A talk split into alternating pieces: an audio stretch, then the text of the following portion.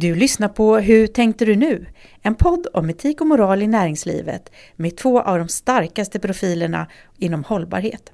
Karina Lundberg Markov, chefstrateg för ansvarsfull kapitalförvaltning på Folksam. Och Per Granqvist, författare och journalist. Per och Karina, dina ankare på djupt vatten.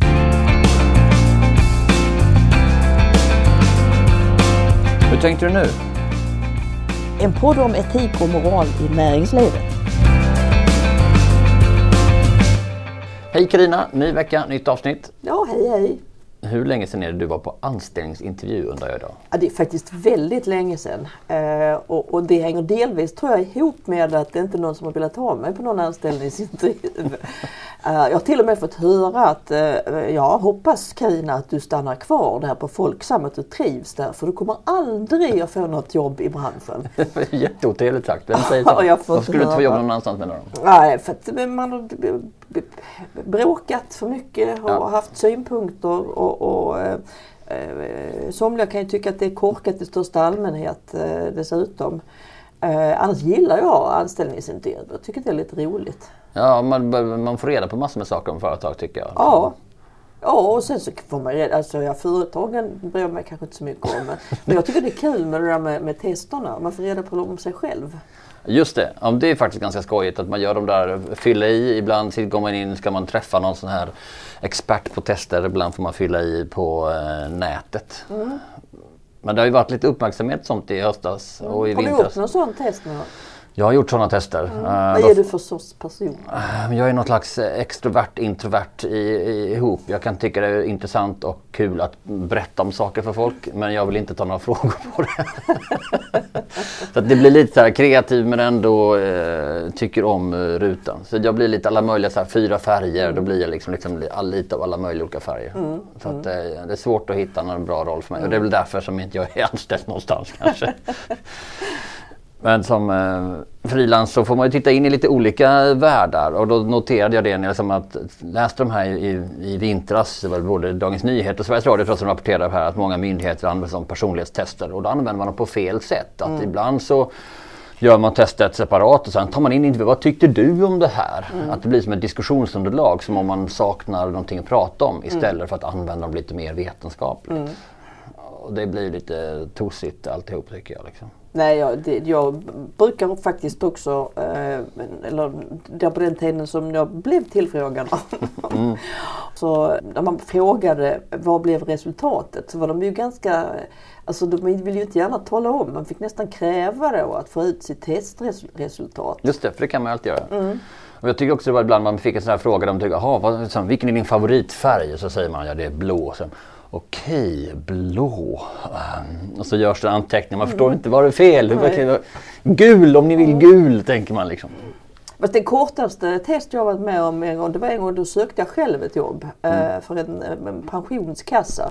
Och då ringde jag upp och sa vem jag var och hur oerhört erfaren jag var. Och så var det tyst och sen så sa då eh, gubbskrället som, som satt i andra änden att Jo du Carina det är så här va att eh, eh vi har provat en kvinna en gång eh, och det gick inte så bra. Eh, så, så, så, vi, vi, vi, vi provar man den här gången. Det kanske var det bästa testet för dig egentligen, att veta att det var nog fel arbetsgivare. Det var väldigt bra. Det var det jag menade också just att det var ett test, mycket bra test för min del. Ja, alltså, ett sånt ställe skulle man inte vilja börja arbeta på överhuvudtaget. Jag tänker också där, alltså jag har inte varit med i något personlighetstest där man lägger så stort vikt vid en sökandes etiska kompass. Utan de här testerna verkar mest handla om sånt som drivkraft eller målmedvetenhet eller stresstålighet. Men borde inte etik och moral vara det viktigaste? Ja, Det är väl något som verkligen skulle säga någonting om hur en människa funkar när det gäller lojalitet och som teamspelare jag tycker, jag tycker det. är, eh, Just den här typen av frågor, att kunna diskutera det överhuvudtaget borde ju vara en vattendelare. Eh, om, om det är människor som överhuvudtaget inte kan relatera till en eh, etiska dilemma eller en, en, en moralisk frågeställning. Eh, då bör man ju verkligen eh, fundera, är det här rätt person? Ja, och inte heller så man hamna i de här klyschorna. Min favoritfråga i de här sammanhangen är så här, när ljuger du? Det är ju ganska avslöjande, för då får man ju resonera lite grann. Säger man, jag ljuger aldrig, det är ju den största lögnen av alla. Liksom. Så att, eh, men eh, vi ska se om vi kan ta reda på lite grann om det. För att idag har vi bjudit in två gäster som ska få prata om detta.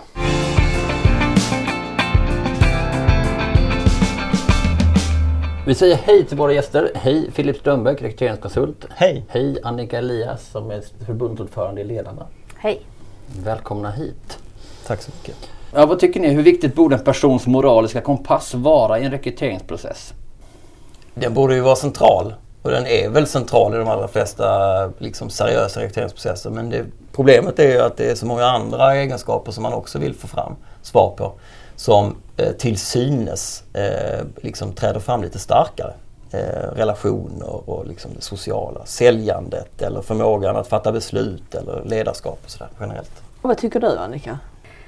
Ja, jag tror att det är mycket viktigt att bli viktigare. Men jag tror att det är väldigt svårt att ta reda på. Varför det? Därför, för det första är det inte självklart att man är, att man är oföränderlig. Att det man är vid anställningen kan mycket väl utvecklas till att bli någonting annat om man jobbar tillräckligt länge på samma ställe. Ehm, och sen är det, kan det vara svårt att ställa sådana frågor så man får riktigt sanna svar. Men är inte då problemet frågorna eller är det... Ja, men jag tror också att det är en, en, eh, en fråga som handlar om att hur mycket kan du räkna med att en person som är en, stand, en standalone person så att säga har en etisk kompass som fungerar i alla sammanhang. Och hur mycket handlar det om just det? I vilket sammanhang ska man placera den här personen? Eh, så det tror jag är mycket viktigare än att man till varje pris försöker ta reda på allt vid anställningstillfälle. Men de allra flesta företag de brukar ju gå igenom det här är våra värderingar och Ja. vi står för kund, kunderna sätter vi främst och vi har ärlighet och professionalism. Och, men det är sällan man gör något direkt försök att och, och ens prata om vad, vad den presumtiva anställda har för inställning. Eller? Det tycker jag ju är nödvändigt att man gör. Att man också när man pratar om värdegrunden att man relaterar det till den personen som ska anställas. Men det jag menar är att man ska inte därmed tro att det är fixat. Att det är fixat för all framtid. Att här har man anställt de här supergenomtänkta etiska personerna. Det beror sen på i vilket sammanhang man hamnar och vilken, vilken struktur som finns på arbetsplatsen. Vilka, vilket tempo det är i arbetet. Ehm, hur man eh, sen förmår att föra den dialogen vidare. Så tänker jag. Mm. Vad, säger, vad säger du? Är det din erfarenhet också att Nej, man jag- tar upp de här frågorna men, men eh, det är svårt att få ärliga svar eller riktiga svar ska jag kanske säga. Ja, jag, jag, eh, jag hävdar ju att det går att mäta men jag tror att en stor del av problemet ligger i att det är så många andra grejer vi vill ha reda på innan vi vill ha reda på de här eh, tråkiga, eh, liksom är det här en person som eh, är hel och ren och kommer klara sig i längden och sådär. Det är alltid någon, någon liksom kundgrupp eller någon erfarenhet av någon produkt eller eh, ett personalärende eller någonting som ska utredas först. Och då finns det delar i personligheten hos människor som liksom uttrycker det starkare. Så när du sitter där och intervjuar så är det lätt att du fastnar där. Det här var en jävla öppen människa eller gud vad mycket kunder det var på den här listan. Då faller det andra lite i glömska. Eh, men det finns ett begrepp om man jobbar med liksom personlighetstestning och sådär så, så, så finns det eh, ett begrepp som heter consensuousness. Liksom samvetsgrannhet eller samvetsnoggrannhet. Vad är det för frågor då? Man- Ja, det vill du veta. Ja. Nej men när man gör sådana där eh, personlighetstester så är det ju då får man ju ofta känslan av att det är ett så här pest eller kolera test. Man får en 160-200 påståenden och så ska man liksom matcha dem mot varandra. Man ska rita om man tycker att, det, att man är eh, empatisk eller om man är eh, flitig. Då ska man tvingas välja. Och när man ställer alla de där påståendena mot varandra så kommer det fram saker som till exempel noggrannhet och uthållighet, eh, empatisk förmåga eller empati, lyssna in och vara i ett sammanhang eh, och en massa andra faktorer eh, som man sen kan eh, koka ner i, eh, i till exempel samhällsgrannhet. Då. Eh, men då, då finns det andra värden som eh, openness, att du är öppen eller eh, eh, extraversion är det vanligaste. Om man tar en vd-rekrytering som jag håller på med väldigt mycket, då är det liksom det extroverta, det sociala nätverkandet med människorna. Det blir så jävla starkt i mötet också. Så att man, det, det är lätt att drabbas av en halo-effekt och det är lätt att glömma bort att de här andra faktorerna som egentligen är viktigast för det här företaget med de här värderingarna det, ja men det, det, det kollar vi med någon referens eller liksom det, För då man, man sitter där och blir lite kär helt enkelt. Som inte Det är ju lätt att bli lite kär i kandidater ju. Eller i folk överhuvudtaget. Det är ju liksom, men det är ganska, det är ganska många saker som spelar in i ett möte. Hur man liksom doftar, hur man ser ut och hur man snackar och hur man tar rummet och sånt. Jag, alltså jag har ju jobbat med en, en, en gammal eh, internrevisionschef som alltid sa att det är bedräg, bedra, bedragarna som är de eh, trevligaste. Ja. Eh, för att eh, ska man vara bedragare då måste man vara trevlig annars lyckas man inte. Ja men visst är det så. Det, det är också den här, det som ni är ute efter som jag förstår det, det är ju en, en grej som är så satans viktig att ha på plats och så många verksamheter försöker safea upp genom att man, ans- om vi återigen återgår till liksom de övergripande liksom centrala eh, cheferna så säger man att Nej, men då får vi anställa en eh, polis i form av en liksom, eh, integritetsfylld CFO. Så får den här VDn hålla på och så får CFO rädda. Det är ett sätt att komma undan det. Då mäter man bara det på CFO. Det är en riktigt tråkig internrevisorstyp. Jag tänker Annika, du har ju hållit på mycket och som, eh, med ledarskap och diskuterat det i olika sammanhang. Som, men en ledare kan ju vara, där pratar man mycket mer om att han ska ha rätt värderingar eller hon ska vara på ett visst sätt och kanske lite med, mindre om att man behöver kunna en viss bransch och sådär liksom. Men hur mycket ska man också förstå som ledare vem man ska rekrytera, hur man ska göra de här bitarna? För det är ju inte säkert att man är duktig på det bara för man är duktig på annat. Det är ju inte självklart och det blir ju allt mer så att man inte gör rekryteringarna själv längre och det kan jag tycka är lite både och. Att man lämnar över rekryteringar till rekryteringsföretag. Det är väl det vanligaste skulle jag säga, även på ganska enkla tjänster, att man som chef inte anställer sina medarbetare. Eh, Men jag tror fortfarande att det är så att du, du kan naturligtvis jobba jättemycket i rekryteringssituationer. Du kan, om du tar dig tid så kan du diskutera etiska dilemman och få en känsla för hur personer reagerar och så.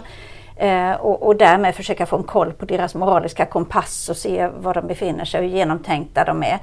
Och det tycker jag absolut att man bör göra. Men jag säger återigen att jag tror att man ska inte lita så mycket på att det sen i skarpt läge verkligen alltid fungerar.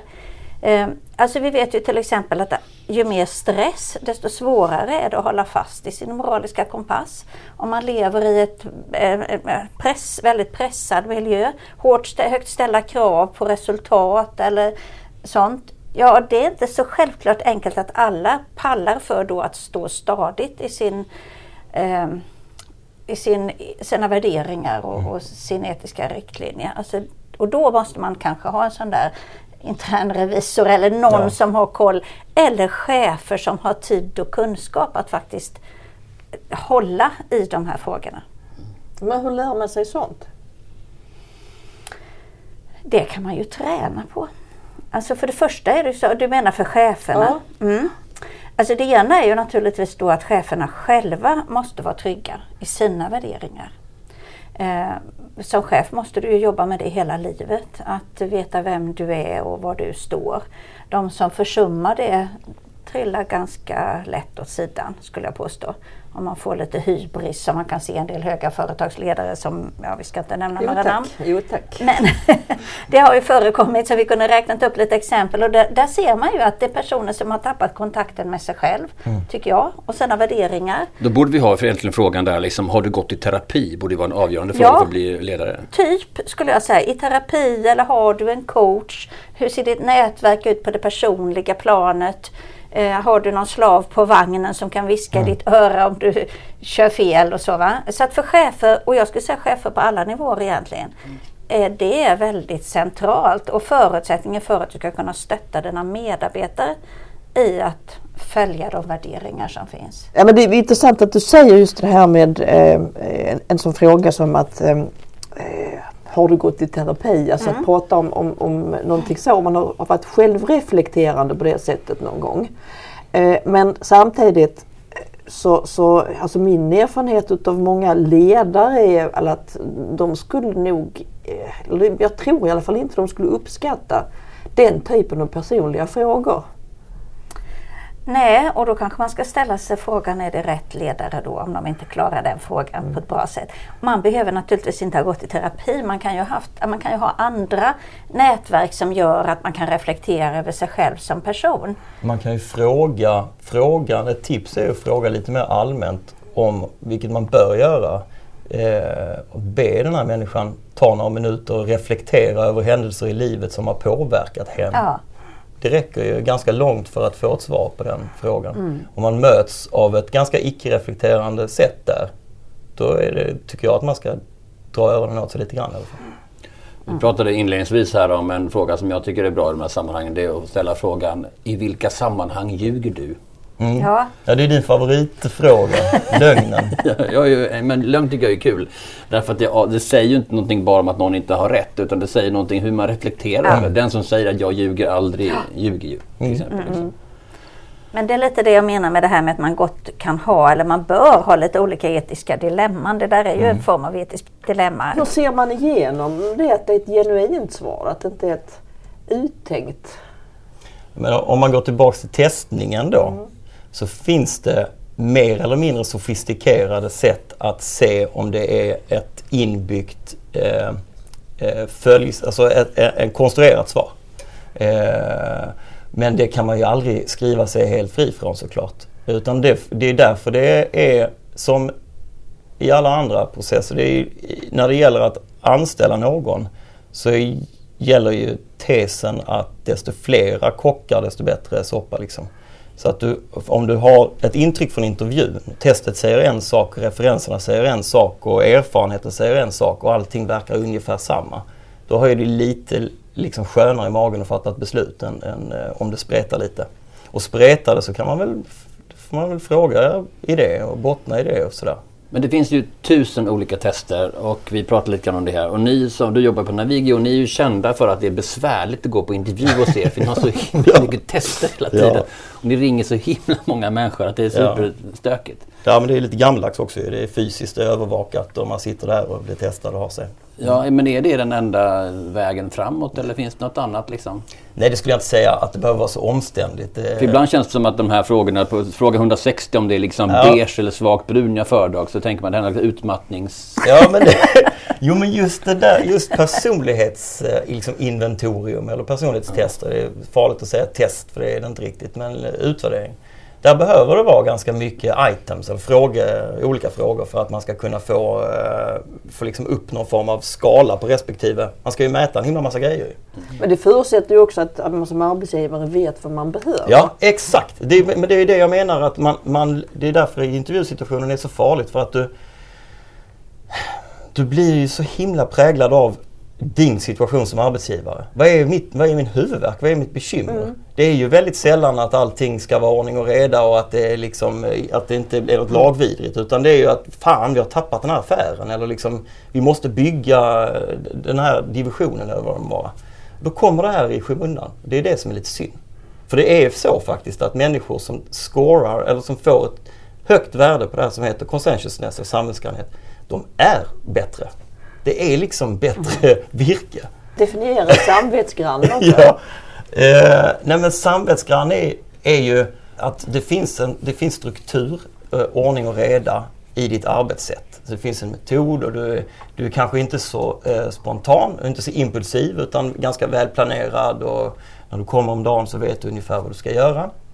Det finns inlyssnande, empatisk förmåga så att du förstår din omgivning. Du har inte så stort behov av makt, eh, inte så stort behov av att vara i centrum. Eh, men däremot ett väldigt stort behov av att uttrycka din åsikt. Eh, så att du vill vara med och påverka och vill eh, liksom eh, den här rygg, raka ryggraden. Du, liksom vill, du kommer säga till när det, när det blåser. Eh, och återigen, kan aldrig testa det fram så att det är hundraprocentigt. Du kan inte lita på ett test men, men det är en bra indikator. Då tar jag på mig den andra hatten och säger att det spelar väl ingen roll om man har samma värderingar som matchar företaget. Man kan väl ändå sköta sitt jobb bra på ganska många typer av positioner Annika? Ja, det tror jag man kan. På ganska många typer av positioner. Eh, men allt mer och mer så blir det ju så att, att alla företag är transparenta och vi syns på många andra sätt ute i samhället mm. än vad vi syns bara just på jobbet, även om man kan hålla masken där. Mm. Det finns ju vissa extrema exempel. Amerikanska stora bolag som helt har uteslutit rekryterande chef i rekryteringsprocessen. Mm. Där man förlitar sig på bolagets eh, värderingar eh, och eh, ett antal andra faktorer som man har då sett genom att mäta personal i bolaget sett att det här är framgångsfaktorer. Mm. Alla de här egenskaperna eh, besitter alla våra mest framgångsrika människor i organisationen. Och sen så kör man en rekryteringsprocess som är driven av HR eller någon annan eh, där såklart rekryterande chef får vara med men får inte fatta beslut. Mm. Det, det, har ju en poäng för det är ju, det, vi vet ju det att det är väldigt ofta så att vi rekryterar några som liknar mm. oss själva. Visst. Det är ju den lättaste fällan att trilla i, mm. skulle jag säga. Fast det här låter ju också som att man skulle kunna hamna med att man har liksom en armé av Anders. Ja, ja, visst. ja. ja det är det. Liksom, en framgångsfaktor här är inte att du är kreativ utan att du heter just Anders. Så går vi på det. Liksom. Hur viktigt är det med den där magkänslan? Jag har suttit och rekryterat folk ibland eh, där man liksom på intervjun eller bara det var någonting som lite skavde men oklart lite vad det var och sen så, så småningom så visade det sig klart att det där var ett problem och det, så småningom så fick den där personen sluta. Vi pratar ju ofta nu om att vi ska gå på liksom meriter, vi ska gå på tester, vi ska gå det där men det finns fortfarande ett element av liksom hur mycket ska man lita på det Annika? Alltså jag tillhör ju de som tror på magkänslan. Mm. Jättemycket. Mm. Eh, och jag säger precis som du, de gånger jag verkligen gjort dåliga rekryteringar då har jag nästan varit medveten om det. Det har kunnat vara sådär att man inte haft någon att välja på mm. eller man har haft mm. bråttom eller så här, va? Och så har man liksom resonerat bort det där tvivlet. Ja, ja, men det blir nog bra, jag ska hantera det så. Eller det är säkert, de överdriver de där referenserna. Och så, här, va? och så har det ju gått åt pipan. Alltså det är verkligen, jag, jag tror att om man har någon erfarenhet i alla fall och förmåga att bedöma människor så ska man inte Alltså man ska inte låta magkänslan vara avgörande och gå helt på den. Men man måste ha den med sig. Man ska lyssna på om man tror att det är något fel. Jag mm. håller helt med. Magkänslan, jag tycker magkänslan ska välja. Men då måste, det måste vara underbyggt. Så det måste mm. finnas ja. Det måste finnas kvalitet bakom så att du kan låta magkänslan styra. Det är ju liksom det ultimata. Så använd magkänslan för att scanna efter någonting och sen testa och fråga på Tvärtom. det? Tvärtom. Skulle jag säga. Ja, Gör en, eh, en eh, ja. ordentligt bred process. Kom ner så att du har ett par slutkandidater. Då får magkänslan eh, styra. Magkänslan, är inte det egentligen som den här känslan för en persons etik och moral? Nej, tyvärr inte, skulle jag nog säga. Jag, jag kan säga detta, jag, det var, jag tror det var du som sa det, att man blir förälskad mm. i människor det kan leda en väldigt fel. Alltså magkänsla, man ska vara obs på sin magkänsla också. Om man är för förtjust i någon, då ska man fundera två varv till. Mm. För man kan verkligen bli förälskad i människor som sen visar sig vara inte alls det man hade hoppats på. Har det hänt någon gång att eh, eh ni har gjort en rekrytering Filip, där, där, där eh, du har sett vissa faror eh, och kanske framfört det till kunden men kunden har insisterat för de har blivit förälskade mm. i kandidaten. Mm. Eh, och sen har det gått som det brukar gå. Jag, jag, det är exemplet jag kommer på nu. Där lyckades vi övertyga den här kunden att eh, avstå. Men med den konsekvensen att kunden blev fly förbannad och kom aldrig tillbaka igen eh, tyvärr. Men det, men det var ändå värt det liksom. Eh, men det händer nog. Eh, det finns ju precis den där förälskelsen är livsfarlig. Då är det bra med en eh, solid process bakom så att man har råd att förälska sig. Mm. För då vet man att man förälskar sig troligtvis i någon som är okej. Men jag, jag, tänk, jag, skulle gärna vilja kommentera det där med referenser. För jag tänker också så här att Precis som jag började med att säga att människor är ju olika beroende på i vilket sammanhang man sätter dem. Alltså vad det finns för strukturer runt omkring och vilka andra medarbetare. Därför tycker jag det här med referenser är så viktigt att man också försöker vara ärlig och se att även om det är en person som har misslyckats med dig att mm. du har, så kan den personen funka väldigt bra i ett annat sammanhang. Och att, att man måste liksom också som referent försöka jobba med att se det. Att få den här människan nära andra omständigheter så kan den göra en bra resultat. Och, och, säga det samtidigt som man kan vara jättenegativ mot någon för det har varit riktigt dåligt. På, så. Men, men också ge människor en chans vidare. Jag tror inte att man är en människa och aldrig påverkas av sin omgivning. Jag tror att alla kan hitta sin plats. Jag tycker det var en generös tolkning att är du referens ska du se det som att du ska kunna hjälpa den här personen till ett ännu bättre sammanhang. Ja, jag tycker det är viktigt att tänka så. Det är inte alldeles ovanligt med referenser som eh, ser det som ett sätt att beskriva sin egen förträfflighet. Hur då? Genom att säga ja, jag är ju själv väldigt analytisk. Men jämfört med andra så är hon okej. Okay. Eh, eller något sånt där. Låt oss säga att vi har anställt någon person, det verkar gå bra på testerna och sen är det dags för den här uppföljningen. Hur jobbar man där? Finns det etisk kompassuppföljning generellt sett nu i de här uppföljningssamtalen? Har vi tester som vi bör testa folk på efter ett år, efter 36 månader? Det finns ju såklart tester för, eh, för alla skeden i en anställning. Eh, men där, där tror jag att man återigen får falla tillbaka till att man har en, liksom en solid utvärdering internt. Där, där man är säker på att man snappar upp vad omvärlden tycker om den här personen. Det är alldeles för vanligt att eh, en chef eh, har för lite feedback från sin organisation. Eh, och samtalen sker mellan chef och, eh, och den, den personens chef. Då. Mm. Så att eh, försöka bygga in årligen eller hur ofta man nu vill en, en rejäl utvärdering där man... Eh, det är de här så kallade 360 grader 360, 360 Man pratar med folk runt omkring på samma nivå, under och över. Yes. Det är ett väldigt bra verktyg och behöver inte vara så komplicerat. Eh, men däremot så krävs det att man är lite folk så att det kan bli riktigt anonymiserat så man inte kan härleda varifrån svaren kommer. Men det, men det är använt på rätt sätt så är det ju superbra sätt att mm. fånga upp. Eh, men tittar man på, jag har, eh, vi gjorde ett case där vi eh, eh, utvärderade 160-ish linjechefer ute i, i Sverige, Norge och Danmark tror jag det var. Och då var det ju väldigt tydligt efter ett tag när man har så mycket chefer att titta på. Och de hade ett ekonomiskt ansvar för den här. Det blev väldigt tydligt eh, vad som gjorde dem framgångsrika eh, i respektive liksom, eh, ort. Så. Och, vilket var väldigt gemensamt då på alla de här olika orterna. Eh, och det här med etik och moral var ju kanske inte det som kommersiellt gjorde dem eh, framgångsrika. I alla fall inte enligt intervjutest. det var andra saker, snålhet och eh, fackmannakärnan där man kunde varit i skråt länge och att man var en eh, liksom, person i bygden som alla kände till. Och stort nätverk och sådär. Själv jag tycker jag med viss framgång använt mig av eh, en utvärderingsmodell som handlar om att de som kan erkänna att de har gjort fel Uh, och framförallt om det är någon annan som blivit drabbad. Uh, till exempel den klassikern, nej men jag har inte fått det här mejlet.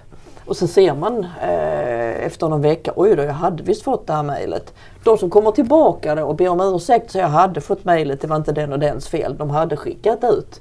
Är det en, är det en bra modell? Att erkänna sina fel? Eller är det för lutheranskt? Nej, jag är också rätt så luthersk. Jag, jag tycker, jag tycker det, det kan vara en i alla fall av de eh, frågor man kan ställa sig. Alltså förmågan att vara lagom ödmjuk mm. och kunna erkänna sina fel. Det pekar ju på att du känner dig själv och att du är trygg i dig själv. Mm. Och i den bemärkelsen så tror jag att det är jättebra. Det handlar ju också om att vara förebild.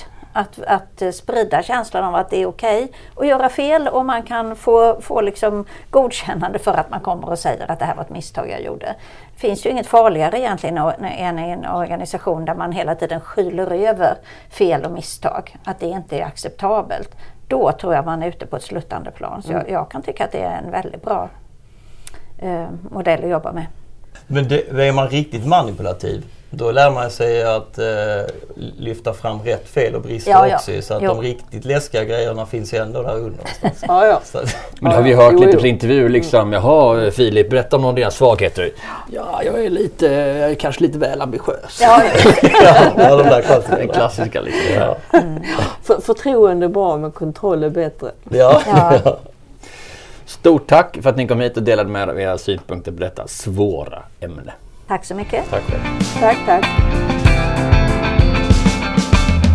Ja, vad ska man dra för slutsatser där Karina?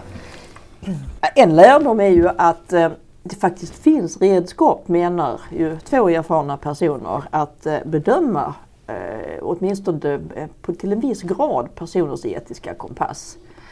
Problemet är bara att man måste själv veta vad det är man letar efter. För för vad det är för, för inställning på kompassen.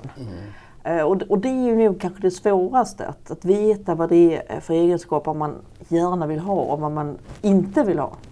Jag gick nog också in i det här samtalet med, in, med inställningen om att det här finns inte i de vanliga um, verktygen man använder. Men det jag tyckte vi hörde var ju att liksom, jo, om du förstår hur du ska använda dem. Ja. Och då tänker jag att det är kanske är många som inte förstår att det här ingår och bara liksom glömmer bort den biten. Och så blir det någonting annat. För mer och mer ser vi ju i media hur liksom, det är folk som saknar, kanske inte saknar moralisk kompass, men som i alla fall inte lyssnar på den alla gånger. Och blir fartblinda eller liksom det är bara någonting som är fel, de gör konstiga saker. Ja, det kanske uppkommit redan, alltså felet uppkom redan i rekryteringen. Eh, därför att det var fokus på andra saker som den här personen var väldigt stark på. Mm. Eh, och, och då glömde man kanske liksom bort att kolla det där. Nästa gång jag ska rekrytera någon och sitter i en sån situation tror jag att jag kommer försöka tänka på, okej okay, här är de bra sidorna, vilka är de dåliga sidorna? För det har ju alla. Mm. Så att man får en, kanske en komplett profil. Mm. För jag har absolut suttit och blivit kär i folk jag har liksom intervjuat och det blir ju sen svårt att, ja men den personen var ju liksom, han, och så sitter man där och argumenterar utan att den här killen ens själv behöver säga någonting eller att den här kvinnan själv argumenterar. Utan vi liksom har, stänger det här åt dem. Det blir konstigt. Men ibland kan det vara också, att, tycker jag, alltså att man, man börjar med att tycka att den där idioten, som med Per till exempel, som skriver en dum krönika eh, och, och, och, och eh, vi gjorde en gemensam bedömning på kontoret att där har vi en riktigt stolpskott. Och det var ju helt fel. Eh, det visar ju sig att, att eh, det, var ju, det var engagemanget eh, som var det viktiga. Sen att man kan tycka olika, saker, olika om olika mm. saker. Men hade du fått reda på att jag inte var ett stolpskott och hade testat mig? Det är det som blir frågan här då. Nej, men hade du inte varit provocerad så hade du aldrig brytt mig om att testa. Ja, just det. Då hade, ju gått, då hade det bara varit ännu, ännu, ännu en utav alla som tycker en massa. Ja. Men de som sticker ut, det kan ju vara, vara så att, att det kan vara någonting man hänger upp sig på också som faktiskt kan bli en fördel. Kanske är det just det att, det är att det är en, en kandidat där ingenting skaver. Det är det man ska vara mest försiktig med vara. Ja, ja. Ja, det är nog bra att säga vad man tycker i olika sammanhang och höras och det gäller även våra lyssnare. Vi skulle vilja ha ännu mer feedback. Vi tycker vi får alldeles för lite feedback på mm. vad vi borde prata om och vad ni vill höra mer om. Ja, och vad ni tyckte också eh, om, om eh, podden och eh, om Per är ett stolpskott eller inte. Eh, eller om det kanske är Carina som har den titeln numera. Då kan ni använda hashtaggen Per är ett stolpskott eller Karina är ett stolpskott. Tack snälla för att ni har lyssnat idag. På återhörande. Hej. Hej. Producent för Hur tänkte du nu är Estrid Bengtsdotter. Om du vill komma i kontakt med redaktionen, om du har frågor eller förslag på saker vi borde prata om eller personer vi borde prata med, så gå in på vår Facebook-sida och kontakta oss där. Vi är duktiga på att svara. Och till sist, tack till Folksam som gör den här podden möjlig.